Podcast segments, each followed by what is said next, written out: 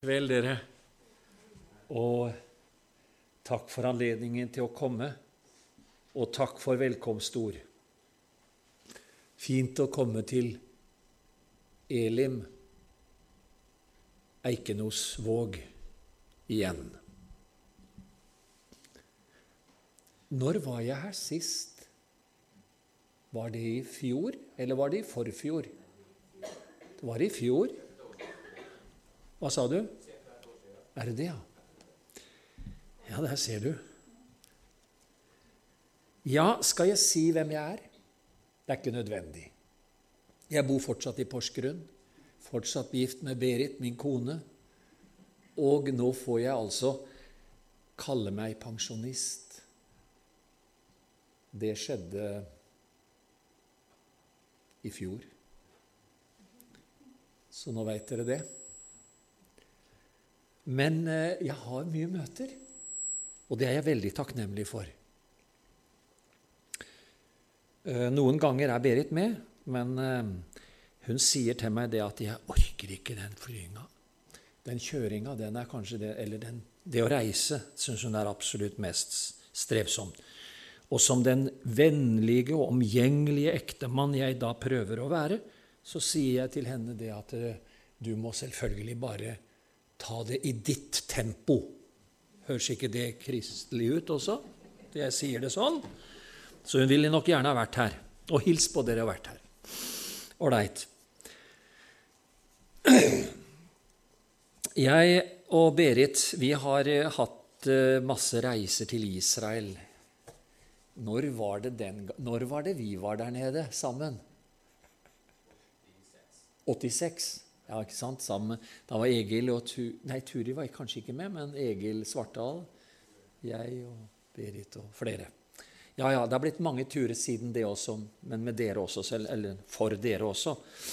Men eh, eh, her ligger det noen hefter, eller brosjyrer, for en reise som vi legger opp til i september, til eh, Hellas og den heter I Paulus' fotspor i Hellas. Du vet, Det var det første stedet i Europa han kom til. Han kom til en by som er omtalt i apostlenes gjerninger, som heter Neapolis. Den ligger ved kysten. Eh, da kom han ifra Troas, seilte over. Det er havnebyen til Filippi. Og når du går eller reiser ifra Neapolis og opp til Filippi, så ser du nede i dalen like ved siden av en brolagt vei som romerne bygde. Det er jo helt utrolig å tenke på. Og det var veien fra Neapolis og opp til Filippi, der Paulus har gått. Ja. Og så har vi tenkt å ha om kvelden, da, selvfølgelig for de som har lyst, en vandring eh, gjennom eh, brevene til de menighetene som eh, er, som er omtalt i Bibelen. Vi tenker på ja, Filippi, filipperne. Jeg tenker på tessalonikerne, Tessaloniki, og Aten, Berøa osv. Turen legger jeg opp til sammen med en som heter Jan Terje Hansen. Han er prest i Den norske kirke i Langesund. En bror og venn som jeg har hatt gleden av og har hatt flere turer sammen med. Så vi skal dele litt på det med kveldene og reise da i Paulus' fotspor om dagen. Ok, Hvis noen er interessert, så har jeg tatt med meg de brosjyrene. Det var det. Så var det det at jeg hadde tenkt jeg skulle synge en sang eller to. Um, her er en herlig sang. Jeg begynner med den. Og den er herlig, den neste også, men jeg tar en av gangen. Og så får jeg bare greie meg sjøl nå, men kanskje i morgen får, du, får, jeg hjelp av deg også til å spille litt, eh, du. Det er bra. Nå må dere høre fint hvor, hvor vakkert. Johannes evangelium kapittel 4 og Jesu møte med den samaritanske kvinnen er fortalt her i fire vers. Låt meg drikka ur krukan av det vatten du har, sa det Jesus til kvinnan, og han fikk då til svar. Hur kan du som er jude be om vatten av meg? Samaritiska er jeg, en forklaring begjær jeg. Hon forundrade seg. Om du bare forstod det, denne gåva Gud gir, og hvem den er som talar, og om vatten deg ber. Du av honom begjærde, og det skulle da skje at du fikk av det vatten, dette levende vatten, som ei verden kan gi. Hver og en som her drikker av det vatten jeg gir, han skal aldri mer tørsta, så som annat ju skjer. Men det vatten jeg giver, evig liv i seg har. Det honom skal välla som en levande källa som en strøm à la dag. Herre, giv meg det vattnet som min tørst tager slut, så jeg slipper å ha det som jeg haft det förut. Denna kvinna ble bönhörd och det blir eventyr. Gjør som kvinnan den dagen og Guds gåva mottage den. Løftet gjelder ennu.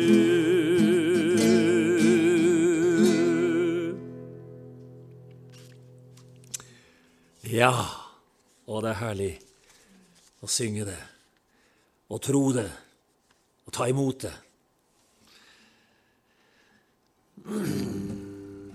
Ja. Her er fem vers, og eh, en fin beskrivelse av hva vi har i Jesus. Jeg har i himmelen en venn så god, en venn så god, en venn så god. Han har meg løst med sitt dyre blod från Satans synden og verden. Han lysner alltid til hjertets bønn Han har meg lovat en krona skjønn. Den skal jag bära som nådelønn när jag en gång slutar färden. Jeg ser i ordet hans skjøna bild, hans skjøna bild, hans skjøna bild. Han er så tålig, han er så mild, han er den beste av alla. Han er en helte som ingen ann, för meg hans seger i striden vann. I honom jag också segra kan, för mig skall fienden falla.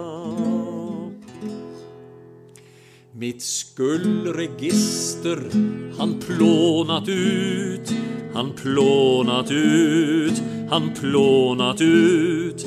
På mina synder. Han gjorde slut, den bördan slipper jag bära. Jag är i honom så ren för Gud, ty han har klädd mig i helig skrud och därför höjer jag lovets ljud så gott jag kan till hans æra. Og nu jeg sjunger så nøyd og glad, så nøyd og glad, så nøyd og glad. Ty Gud berett meg en herlig stad der jeg får hvila från striden. Där finns ej sorger, der finns ej nöd och ingen smärta och ingen död. Blott liv och hälsa i överflöd och ingen ände på friden. Där får jag möta min vän så god, min venn så god, min venn så god. Som her let offra sitt dyra blod. För mig och alles försoning. Där brusar sången så höj och klar. En glädjeström genom hjärtat far och evig stannar den hos mig kvar i himlens härliga boning. Där brusar sången så hög och klar en glädjeström genom hjärtat far och evig stannar den hos mig kvar i himlens härliga boning.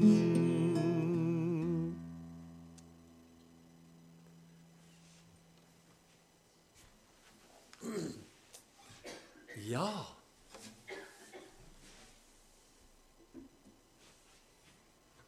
Dere hørte at jeg dro litt ut på teksten. Det var for at dere skulle få høre bedre og liksom få det med dere alle sammen. For det er jo sånne herlige beskrivelser av evangeliet som jeg har delt med dere gjennom den, disse sangene. Ja, jeg tenkte først å lese å lese et ord. Da skal vi finne fram i Jakobs brev Jakobs brev, det første kapittel. Det første kapittel, og der står det fra vers 17.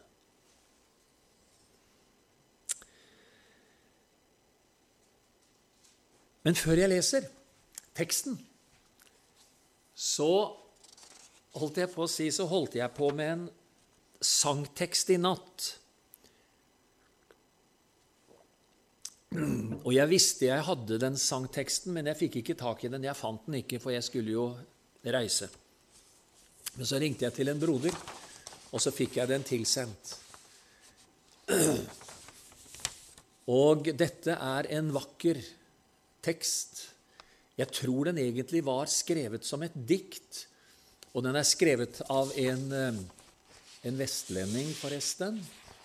En eh, legmannshøvding, som de kalte det i gamle dager, eh, som heter Ludvig Hope. Og mange av dere vet jo hvem det Dere har hørt om det, ikke sant? Um, Han ble født inni en, en fjord som heter Masfjorden, Masfjorden i Hordaland. Og teksten Nå skal jeg få lov å lese nynorsk også. Jeg syns nynorsk er så flott, skjønner dere, så jeg nyter det òg. Den er sånn Guds nåde er stor. Den fann meg langt inn i den trongaste fjord. Den førte meg over fra synd og fra skam, og la meg som barn inn til Faderens fang. Fra korset kom ljoset fra Frelsarens ord. Guds nåde er stor. Guds nåde er stor. Han gav meg ein plass mellom sine på jord. Fra dag og til dag, ifra år og til år, han stelte så varsamt med syndarens sår. Han tørka bort tåra og gav meg si trøyst, i motløysa trøyst. Det lider mot haust, Dei stirrande augo ser vonfullt mot aust. Når liane gulnar, blir luftig så rein, dei skiftande fargar, dei lokkar meg heim. Om foten den trøytnar og stydjest med stokk, Guds nåde er nok. Jeg tror han skrev det til sin 50-årsdag. Og jeg tenkte Var de så gamle når de var 50 år i gamle dager at de måtte stydjes med stokk? Men det er jo ikke sånn i dag, da. Men det er en fantastisk beskrivelse. Men det er flere vers her, skal du høre. Guds nåde er nok. Han tok meg i handi og førte meg opp.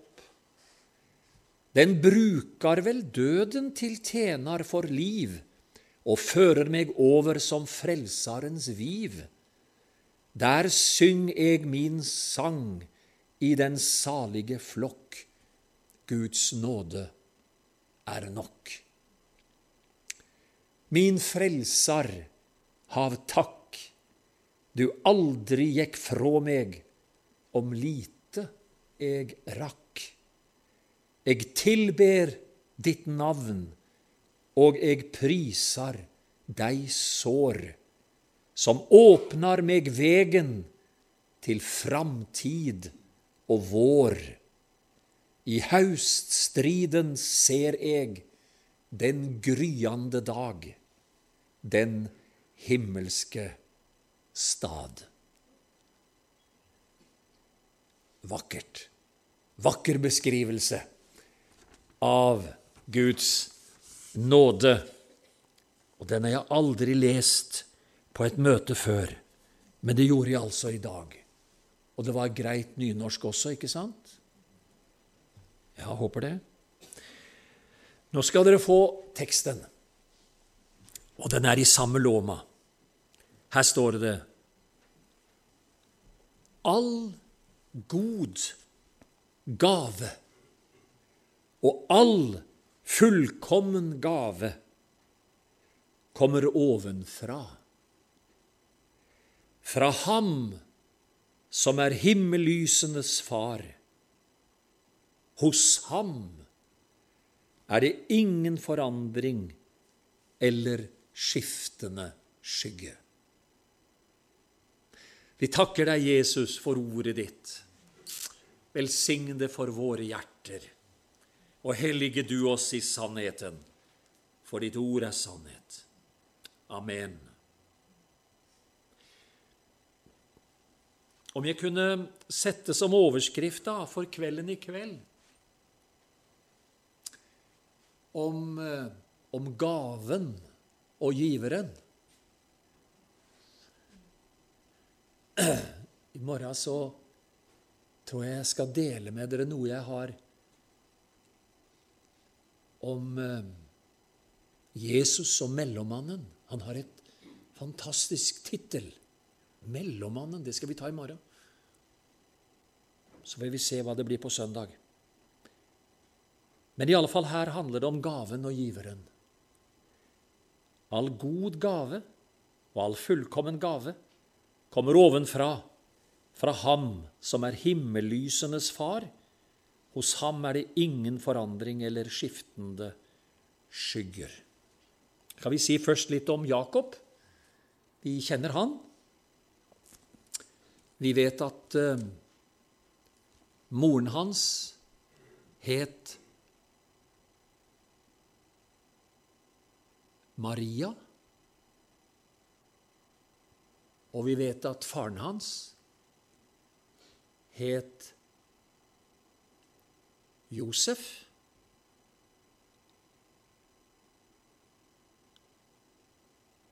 Det er altså én av de fire sønnene som er omtalt i evangeliene. Josef og Marias. Fire gutter hadde de, sønner, og guttnavnene på dem står altså i evangeliene. De hadde også flere døtre, men eh, dem er ikke omtalt med navn. Beklager, dam, søstre, men sånn var det i den tida.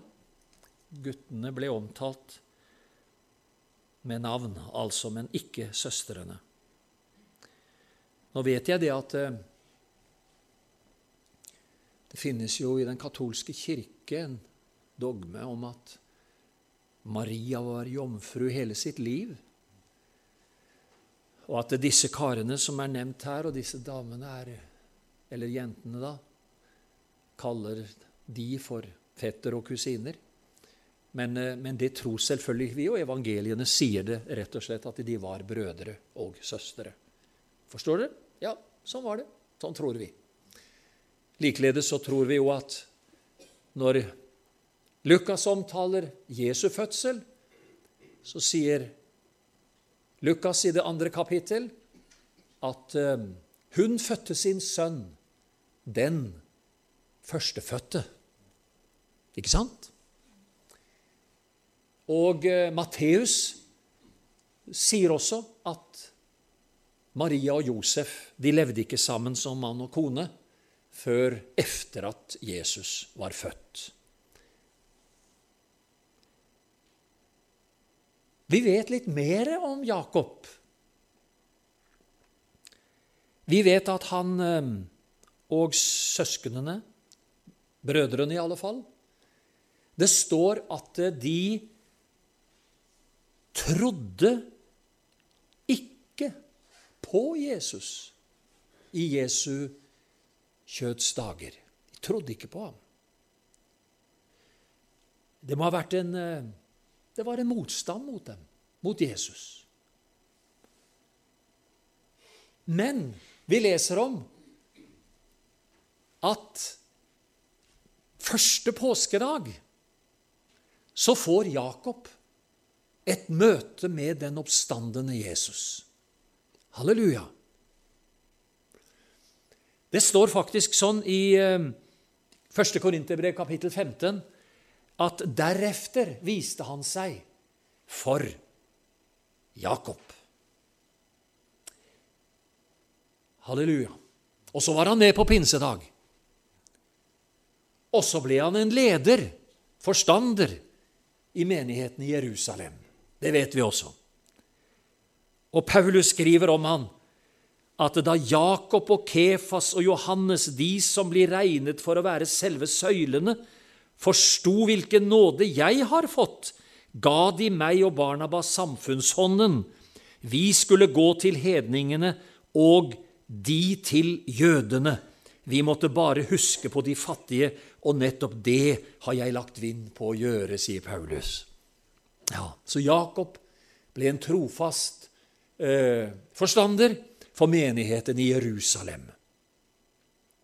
Efter det vi forstår. Han er omtalt en gang til også, faktisk. Jeg vet ikke hva vi skal si om det. Men eh, det er i apostlenes gjerninger, det tolvte kapittel, når det var bønnemøte i Marias hus, og Peter var blitt fridd ut av fengselet. Så kommer Paulus, unnskyld, Peter og banker på døra, og de tror jo ikke det kan være bønnesvaret som står utenfor og vil inn. Men eh, det er det altså. Og, eh, og når han kommer inn, så slår han til lyd med hånden, står det. Og han forteller hva Gud har gjort. Og så sier han, 'Nå må du hilse til Jakob og til brødrene.' Så han var ikke på bønnemøte den kvelden, han. Men eh, det var vel sikkert gyldig grunn, tror dere ikke det? At han ikke var der? Ganske sikkert. I alle fall, hils Jakob og til brødrene. Og så er han omtalt altså her. Og når han omtaler seg selv, så omtaler han seg ikke som han skulle være i noen særklasse. Men han presenterer seg i det første verset og sier Jakob, Guds og Herren Jesu Kristi tjener sender sin hilsen. Det er en vakker beskrivelse av hvor han har plassert Jesus, amen, og hvor han har plassert seg selv som en Jesu tjener. Nå vet vi også da at det er en av disse brødrene som En til av de som har skrevet et brev i Det nye testamentet, og det er Judas brev, som også er en av disse, da. Nå vel, Jakob. Jakob. Hva er det han skriver om? Han skriver altså om all god gave. Gud er giveren av all god gave og all fullkommen gave som kommer ovenfra, fra lysenes Fader. Gud er en sjenerøs giver. Paulus omtaler Gud eh, i det niende kapittel, tror jeg, i Korinterbrevet. Og så sier han om Gud Han strødde ut. Han gav menneskene gaver. Og det er jo selvfølgelig Jesus som er den første og største gaven Gud har gitt. Vi bruker å si at frelsen er av Faderen ved Sønnen. Jesus er gaven. Hovedgaven. Ja, hovedgaven. Bare bruk et lite bilde. Vi har noen venner i Tyskland, og vi har sendt julepresanger til hverandre i mange år. Og når den presangen kommer, og vi sender, så sender vi alltid én pakke. Både de og vi gjør det. Og eh, når julaften kommer, så pakker vi opp den ene pakken. Men vi har alltid gjort det sånn, og de har alltid gjort det sånn, at i den ene pakken så er det mange pakker. Og det syns jeg liksom er et sånt fint bilde på gaven, på Jesus. Gud har gitt oss den største av alle gaver han har gitt oss sin sønn. Så høyt har Gud elsket verden at han gav sin sønn, den enbårne, for at hver den som tror på ham, ikke skal gå fortapt, men ha evig liv. Det er gaven som Gud har gitt oss. Gud gav sin sønn. Romerbrevet sier det han sparte ikke sin egen sønn, men gav ham for oss alle. Og så legger han til Hvorledes skulle han kunne annet enn gi oss alle ting med ham. Nå er det jo ikke bare slik at Gud har gitt oss Jesus. Men Jesus sier om seg selv også, eller omtales da i Efeserbrevet det femte kapittel og annet vers, Lev i kjærligheten slik som Kristus elsket oss og gav seg selv for oss. Amen.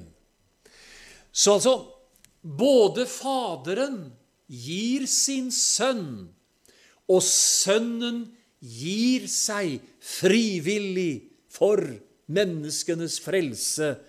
Amen. Halleluja. Amen. Hva er han gjør, hva er han gir til alle mennesker? Jo, han gir jo det som Bibelen kaller frelsens gave. Gud gir en gave. Han gir seg, Jesus gir seg selv. Faderen gir oss Jesus. Og hva er det det inneholder at han har gitt oss Jesus? Jo, han har altså gitt oss en frelsesgave. Amen. En frelsesgave. Efeserbrevet 2,8.: For av nåde er dere frelst ved tro. Det er ikke deres eget verk. Det er en Guds gave. Amen. Halleluja. En Guds gave. Når apostelen Paulus skriver om frelsen i Efeserbrevet, så skriver han dette på forskjellige måter. Hvis du går til det tredje kapittel, så omtaler han det som Gud gav oss sin nådes gave. Der er altså uttrykket 'nådes gave' brukt. I Efeserbrevet 3, 7. Jeg ble en tjener for dette evangeliet da Gud med sin veldige kreft ga meg sin nådegave. Jeg var den aller minste. Jeg fortjente det altså ikke. Og så, i Efeserbrevet, det fjerde kapittel, så har du et annet uttrykk. Der bruker han uttrykket eh, 'Kristi gave'. Så da har du altså først dette frelsens gave, eller, eller Guds gave i Efesbrevet 2, nådegave i Efesbrevet 3, Kristi gave i Efesbrevet 4. Og så har jeg lyst til å ta med et ord til, og det er i Hebreerbrevet. Der er også frelsen omtalt, men den er omtalt på denne måten om vår den himmelske gave. Den himmelske gave. Og det er et interessant ord. En himmelsk gave. Frelsen er altså fra Gud. Frelsen er gitt oss gjennom Jesus. Frelsen er den store nåden som Gud har gitt oss, og det er den himmelske gave som Gud gir oss mennesker. Amen. Halleluja. Halleluja. Ja. I dette i dette ordet 'den himmelske gave' så er det et problem som møter oss, som jeg støtte på da jeg var ung. Eh, og du har sikkert gjort det, du også. For der, leser, der sier apostelen, eller hvem som har skrevet hebrebrevet, at eh, om den som har smakt den himmelske gave Og hvis den som har smakt den himmelske gave, vender seg fra gaven, så kan han ikke omvende seg igjen, eller kan han ikke bli frelst igjen? Kan han ikke bli fornyet igjen? Fordi han har trådt Guds sønns blod under sine føtter. En, egentlig en alvorlig, en, en, en farlig tanke. eller, altså, Du forstår hva jeg mener? Ja. Og jeg husker vi som ungdommer vi var engstelige for det ordet der, og vi, vi snakket om det. Men så fikk vi besøk av en av de gamle predikantene, han som var redaktør i Korsets seier. Han het Egil Strand og var, skulle være predikant eh, en, en helg i Evangeliehuset i Porsgrunn, hvor jeg var. Og så skulle han være sammen med ungdommene en lørdagskveld. Og så sier han i kveld skal jeg snakke med dere sa han, om vanskelige bibelvers. Og så tok han fram dette verset, og så sa han til oss noe veldig klokt. Så sa han Vi må først se hvem er dette skrevet til. Jo, sier han, det er jo skrevet til hebreerne, eller jødene, i Jerusalem. Og hva er det som skjedde i Jerusalem blant jødene? Jo, sier, fortalte han, de som var troende, og som hadde altså gitt sitt hjerte og liv til Jesus og blitt frelst, så begynte de å ta opp igjen de gammeltestamentlige ofringene som man bedrev i, i tempelet. Og da sier han, hva er det de da gjør? Da vender de seg fra det som disse ofringene bare var et forbilde på. I Det gamle testamentet hadde de sin funksjon fordi det fullkomne offeret, det skulle komme, og det skulle da tilveiebrakte full forløsning og frelse. Men når de da vendte seg fra det som alle disse forbildene var et forbilde på, da var det jo ingen frelse igjen når man vender seg bort ifra frelsen og frelseren. Og vi forsto det. Og halleluja! Her er man kommet på avstand og frastand. Så ikke glem at det finnes en vei tilbake. Amen, halleluja, amen. Det fins en vei tilbake. Jesus vil ta imot deg igjen og fornye ditt forhold med Jesus. Veien står åpen, adgangen er fri. Kom i Jesu navn om du skulle ha kommet på frastand og avstand. Amen! Halleluja! Det er frelsens gave. Det er frelsens gave. Hvis vi spør hverandre hva inneholder frelsens gave, da? Jo, la meg begynne med én ting. For det første så tenker jeg det inneholder tilgivelse. Syndernes tilgivelse. Vidunderlig. Vidunderlig. Han tilgir oss vår skyld. Han tilgir oss våre synder. En vidunderlig tanke. Tenk, Guds nåde er stor, står hadde jeg i denne teksten her. Guds nåde er stor. Det er tilgivelse. Han setter en strek over synden. Amen. Halleluja. Han, han setter en strek over det. Han tilgir oss våre synder. Men frelsen ja, Det blir feil å si, men jeg får si det allikevel. Men frelse der enda dypere enn bare unnskyld uttrykket bare tilgivelse. Det er mer enn tilgivelse. Har du hørt dette uttrykket noen sier «Mm, 'Å ja, jeg skal tilgi, men jeg skal aldri glemme det'? Mm -mm. Og det er nettopp det som frelsen ikke er. For frelsen er tilgivelse. Amen. Men videre, dypere enda, så er frelsen også at Gud glemmer våre synder. Det er en vidunderlig tanke. At kan Gud glemme? Ja, Gud kan glemme. Han eh, så langt som øst er fra vest, lar han våre misgjerninger være langt fra oss. Han glemmer. Gud glemmer. Vidunderlige tanke. Gud glemmer. Vi handler om synstilgivelsens rike. Det er tilgivelse.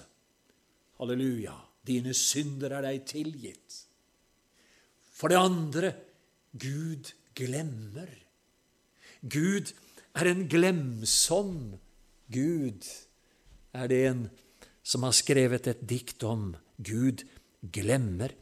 Jeg stryker bort, står det i Jesaja. Jeg stryker bort dine lovbrudd som en tåke og dine synder som en sky. Jeg, når, jeg, når, jeg, leser det, så tenker jeg på en opplevelse jeg hadde bare som ungdom. faktisk. Jeg var på Tveit Vestheia oppe med Nissedal, mellom Nissedal og Fyrresdal. Og når vi gikk der nede og skulle opp til heia, så går vi en tidlig morgen, og det er tåkete, så du kunne Det var som en graut, altså, vi gikk i den. Plutselig kommer vi opp over skydekket, og så er sola skinnende og en fantastisk utsikt. Du har opplevd det, du også. Og så tenker vi Og så står sola på, oss etter noen timer Hvor er skya hen, eller hvor er tåka hen? Den er dunstet bort. Fantastisk tanke. Slik bruker Bibelen beskrivelsen av tilgivelsen, frelsen, en glemsel. Vidunderlig. Men det er enda et ord til. Det er enda et ord til. Det står i Johannes, første Johannes brev, det første kapittel og syvende vers. Det står om dersom vi bekjenner våre synder, er Han trofast og rettferdig, så Han tilgir oss våre synder. Og så kommer et ord til. Og renser oss fra all urettferdighet. Det er frelse, det, du. Det er frelse som duer. Han renser oss. Kan du tenke deg noe så vidunderlig som å få en vannvask, en, en dusj, bli rein? Så beskrives altså frelsen slik om vår fortid at det er som å bli rensa, vaska rein. Vidunderlige frelse for alle mennesker som tar imot evangeliet og lar seg frelse av den Herre Jesus Kristus. Og så må jeg jo ha med et ord til, eller en tanke til, og det er dette. For Jesus sier også når, når han har gjort, når han har rensa hjertet, og det er reint og fint der, så må, det ikke, så må det jo ikke være tomt. For hvis det er tomt, så hva er det? Da sier Herren, Jesus, at da er det en som flytter inn, og Den hellige ånd er gaven, er Han som flytter inn i den troendes hjerte. Amen. Halleluja. Amen. Ånden bor ved troen i våre hjerter. Ånden bor ved troen i våre hjerter. Vidunderlig. Ånden. Og det er en vidunderlig å få. Det hender jeg kommer på besøk et sted, og så skal jeg bort kanskje og overnatte et sted, og så, og så hvis jeg kjører bil selv, så sier noen til meg det at ja, ja, bare følg etter oss, sier de. Bare følg etter oss, så kjører vi foran, og så, og så kommer du efter. Ja, det er fint, sier jeg, det er fint, men, men kan ikke en av dere heller sitte sammen med meg i min bil? Fordi når jeg skal kjøre efter, så, så er i mørket er alle katter grå, vet du. Det er så vanskelig å følge med. Så, så jeg må få en som, som sitter i bilen. Og jeg syns det bildet alltid har vært så fint for meg. Ja, sånn er det å være en kristen. Og når Ånden har flyttet inn i våre hjerter, takk og lov og pris, da bor han ved troen i våre hjerter. Jesus bor der inne da. Ved Den hellige ånd så bor han der. Og da er det akkurat som at da er han i bilen. Ja, det er én ting å følge efter, men det er godt å ha han med i bilen. Forstår du tanken? Og slik tenker jeg ja, det er et fint bilde på at Den hellige ånd bor ved troen i våre hjerter. Takk og lov og pris for det. Gaven som eh, du og jeg får når vi åpner våre hjerter og liv for Jesus, det er nettopp Den hellige ånd. Og han kommer inn som pantet på vår arve til eiendomsfolkets forløsning, hans herlighet til pris. Han bor der inne, han bor der inne. Ja, det var i grunnen så vidunderlig å dele disse tankene med dere i kveld. Frelsens rike gave. Så skulle vi kanskje tenke ja, ja, ja det er jo vidunderlig med nåden som eh, Gud kommer, og så sletter han ut våre synder, og så får vi lov å leve med ham. Ja, det gjør han. Men samtidig så legger vi også merke til at når vi leser om nåden, så gjør ikke nåden bare det verket med det livet som vi har levd. Men han vil leve med oss i nåde og kjærlighet på troens vei. Så vi leser om at nåden, som altså har tilgivelsen, glemselen og eh, renselsen og Den hellige ånd med inn i våre liv, så sier, ja, så sier, så sier, apostel, så sier vel Peter at, at uh, han, han, flytter inn. Og nåden, den kommer også Så er det et ord som jeg tenkte på nå. Jo, den oppdrar oss. Hørte du det? Nåden oppdrar oss til kjærlighet og til gode gjerninger. Den oppdrar oss. Har du hørt et sånt et fantastisk flott uttrykk? Han oppdrar oss. Ja. Halleluja. Men gjør han noe mer enn det, da? Altså, det vil si, han oppdrar oss. Når nåden slipper til i våre liv, så blir vi farget ved Den hellige ånd av det Jesus har gjort, og det Jesus har gitt. Så det omdanner oss, det forandrer oss, så vi strekker oss efter det som ligger foran. Den oppdrar oss. Det er fint. Man aldri Jeg må ha med et ord til også. Han oppdrar oss. Og så, og så tenker jeg på det som Paulus skriver i Timotius-brevet. Han sier til Timotius.: Bli da du, min sønn, sterk ved nåden i Kristus Jesus. Så der er du altså nåden har forandret vår fortid. Halleluja, satt en strek over den. Men med framtiden så så oppdrar han oss. Og for det andre han gjør oss sterk. Takk og lov. Nåden gjør oss ikke til sveklinger. Nåden gjør oss sterk, slik at vi blir, vi blir likedannet med det vi ser. Den hellige ånd gjør det. Et verk i den enkelte av oss. Takk og lov og pris. Takk og lov. Jeg må ha med et ord til også. I Hebrebrevet så står det i det 13. kapittel og i det 9. vers det er godt at hjertet blir styrket ved nåden i Kristus. Ja. Hva er det nåden gjør oss? Nåden gjør oss ikke til vinglepaver, men nåden gjør oss sterk. Amen. Er ikke det fint? Herlig. Halleluja. Det er mer også. Det står om den i 1. Peters brev, det første kapittel. Der står det 'Nåden gir oss fred'. Hør hva Paulus skriver nåde være med dere og fred fra Gud, vår Far, og den Herre Jesus Kristus. Nåde og fred er som tvilling, er som tvillinger, er som to tvillinger. Men nåden kommer først. Amen.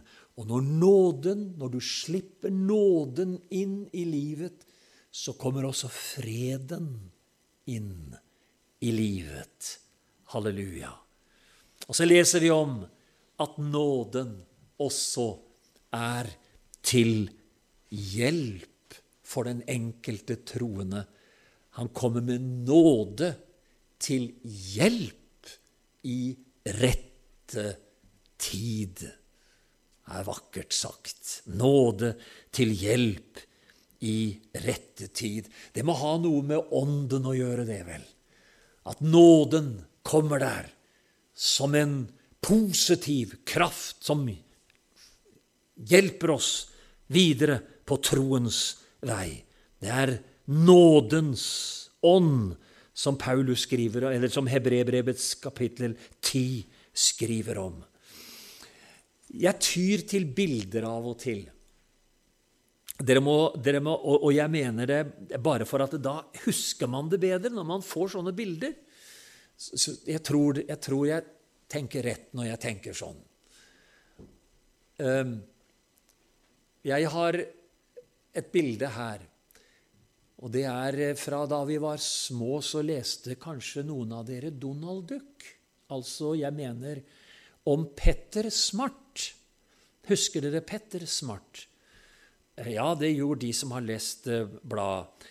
Og dere husker at Petter Smart han var jo egentlig ikke noe særlig smartere enn alle andre, men det var det at han hadde en hjelper med seg hele tiden. Og når denne hjelperen lyste, da hadde Petter løsningen. Og så har jeg tenkt på hvorfor bruker Walt Disney Petter som navn? Jo, jeg tror jeg vet det. Du skjønner, Glupe folk de har hentet sin inspirasjon fra Bibelen. Og jeg har tenkt jo, det handler sikkert om Peter, har jeg tenkt. Peter i Bibelen.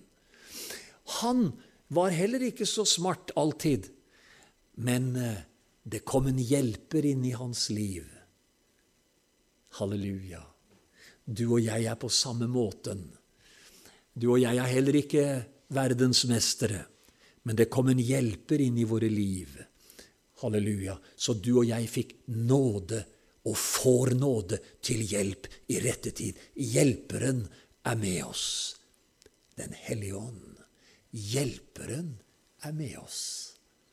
Takk og lov og pris for det. Halleluja, halleluja. Hvor mye er klokka blitt? Ja, kvart over ni. Jeg tror det holder, jeg. Ja. Jeg tror det holder få lov å be litt. Herre Jesus, jeg takker deg fordi vi har delt med hverandre i kveld om giveren og gaven. For giveren og for gaven. Vi sitter her i kveld alle sammen, Jesus, og de fleste av oss har vel levd med deg i mange år. Men vi takker deg, Jesus, for vi kjenner at vi blir beriket av din nåde og eh, evangeliets gode ord. Vi blir styrket ved troens og den gode ord. Halleluja. Og så ber jeg deg, Jesus, at du skal velsigne hver og en, om det var noen som som på en spesiell måte trengte en hilsen i kveld om hva du, Jesus, har gjort, og hva du har gitt. Så lar du, du de ord lyse for oss, den enkelte, nå videre.